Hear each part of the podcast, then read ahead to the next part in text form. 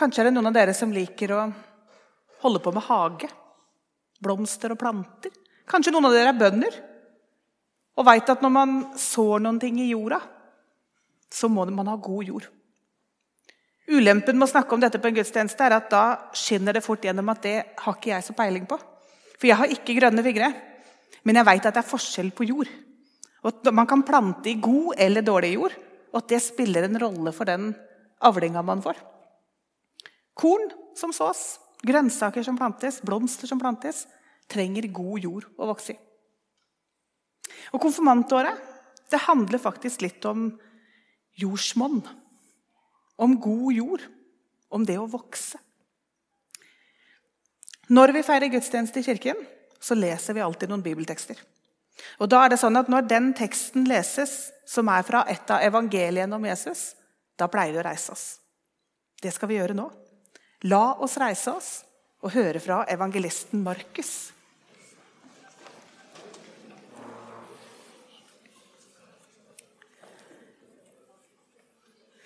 Jesus fortalte en lignelse. En såmann gikk ut for å så. Og da han sådde, falt noe ved veien, og fuglene kom og tok det. Noe falt på steingrunn, hvor det var lite jord, og det skjøt straks i været fordi jordlaget var tynt. Men da solen steg, ble det svidd og visnet fordi det ikke hadde fått slå rot. Noe falt blant tornebusker, og tornebuskene vokste opp og kvalte det, så det ikke bar frukt. Men noe falt i god jord. Det skjøt opp, vokste og bar frukt. 30, 60, ja 100 ganger det som ble sådd. Og han sa, 'Den som har ører å høre med, hør.' Slik lyder det hellige evangelium.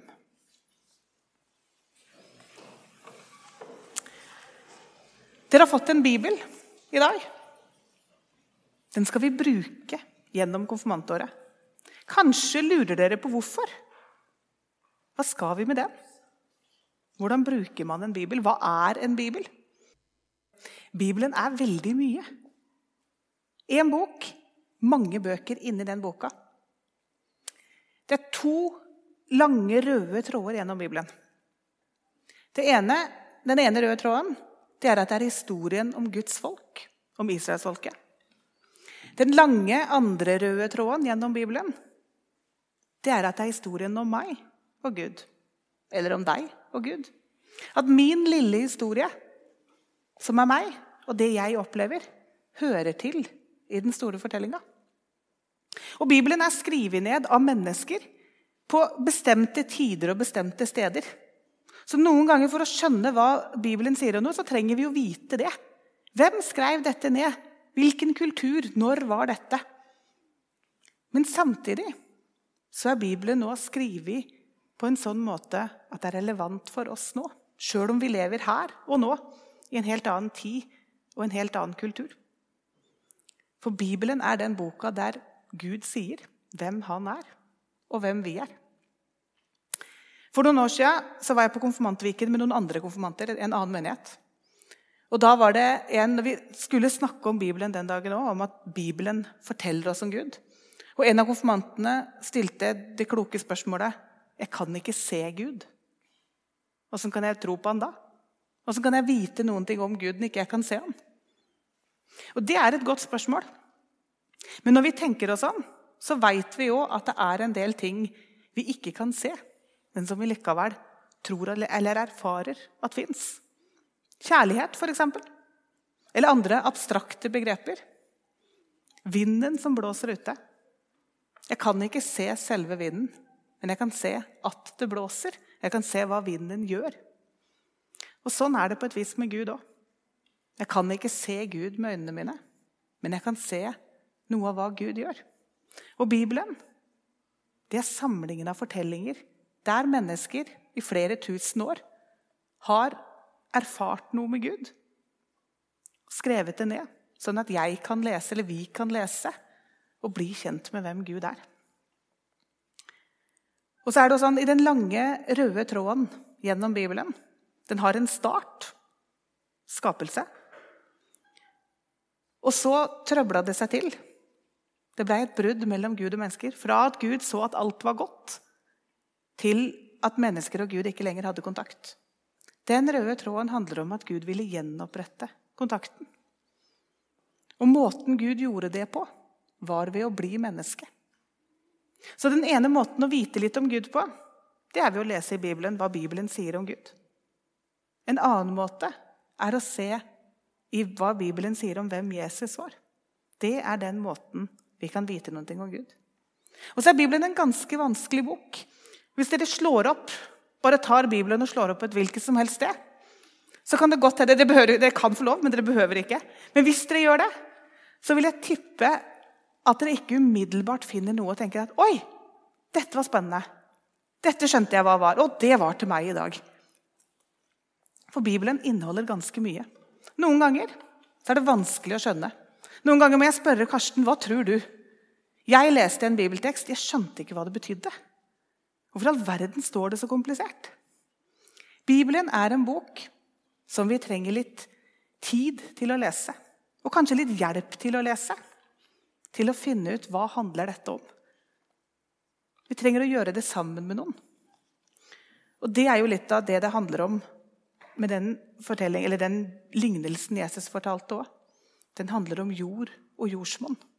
Konfirmantåret er et år der vi skal jobbe for at fellesskapet skal være god jord. Sånn at vi kan finne ut hva står det i Bibelen. Hva sier Bibelen om Gud? Men en flere tusen år gammel bok, som riktignok er oversatt til norsk med et språk vi skjønner, men har det noe relevans? Er Bibelen troverdig?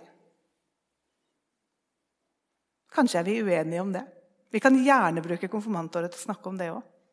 Men jeg vil påstå at Bibelen er troverdig.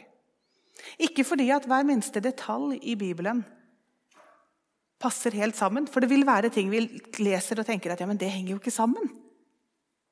Sånn vil det være i en øyenvitneskildring i en rettssak òg. Men de lange linjene i historien i Bibelen viser oss at dette er historiske tekster. Forskerne er f.eks. enige om at personen Jesus har levd. Og så må vi, i fellesskap eller hver for oss etterpå, finne ut hva tror jeg? At ja, Jesus var en historisk person, men tror jeg at han døde og sto opp igjen? Tror jeg at Gud fins? Vi kan bruke konfirmantåret til å snakke om de temaene. Og Kirkens historie det er historien om at millioner av mennesker har kommet til tro ved at de har lest bibeltekstene og hørt noen fortelle om det. Noen har fortalt videre hva de har opplevd, hva de tror på. Hva menes med såkorn når Jesus forteller om såmannen? Han har en veldig underlig måte å så på, fordi han slenger ut kornet overalt. En bonde ville sannsynligvis konsentrert seg om jordet og sådd kornet sitt der. Jeg leste bare en liten del av teksten for dere. Resten av resten av teksten så forklarer Jesus lignelsen fordi han fortalte den til. Og forklarer at såkornet, det er ordet. Ordet om Gud som blir spredd utover, sånn at alle får høre. Kanskje såmannen så så raust utover, for han vil at alle skal få høre. Det som blir sådd på veien, der kan jo ingenting vokse. Det er jo ikke noe jord å vokse i. Det blir ikke tatt imot. Det som sås på, nei, på, um, jo, på steingrunn, der det er veldig tynt jordlag, det har jo bitte litt å vokse i, men det har jo ingenting å slå rot i. Så har man kanskje hørt det, tenkt at dette hørtes greit ut. Men så spiller det ikke noen rolle etterpå. Det får ikke noe muligheten for å vokse. Det ordet som blir sådd der det er torner, det greier jo ikke å vokse fordi det er noe annet som vokser og kveler det. Kanskje er det noe det går an å kjenne seg igjen i, at det er så veldig mange ting i livet som blir viktige. Kanskje bekymringer. Det er et av de tingene Jesus nevner. Så noen av tornene som kan kvele. Det er så mye i livet som tar den oppmerksomheten, sånn at jeg ikke lenger husker hva jeg har hørt. Mens det som vokser i den gode jorda, det er det som bærer frukt. Og Jesus overdriver her òg. Jeg kjenner ingen bønder som får 100 ganger igjen for det de sår. Ett korn blir ikke tilsvarende 100 i avling etterpå. Så Jesus overdriver veldig. Kanskje fordi at Guds rike er annerledes enn hos oss, eller for å si noe om hvor stort det faktisk kan bli. Men det vi skal bruke konfirmantåret til, det er å lage god jord. Der, når vi leser i Bibelen, så kan vi skjønne hva det betyr. Så kan jeg se at Bibelen ikke er en regelbok eller en historiebok. Det er kanskje det òg, men ikke bare det. Men det er en relasjonsbok. En bok der Gud kan vise oss hvem han er. En bok der vi kan bli kjent med Gud. Tenk om det er sant at Gud fins. Tenk om det er sant at du og jeg hører til i den store fortellingen. Tenk at Gud, større enn alt, har en plass til meg i sin fortelling. Bibelen handler om det. Og så er det sånn at Når vi skal finne ut noen ting, så er det lurt å prøve det. Hvis du lurer på om det er gøy å spille innebandy, så er det lurt å prøve å spille innebandy. Bli med noen på det. Og kanskje finner vi ikke helt ut av åssen ting er, før vi faktisk har prøvd det. Bibelen gir oss òg en utfordring på det. Om å prøve å finne ut hvem Gud er. Og Et av bibelversene i den bibelen dere har fått nå, Salme 34, vers 9, står det. Smak og kjenn at Herren er god.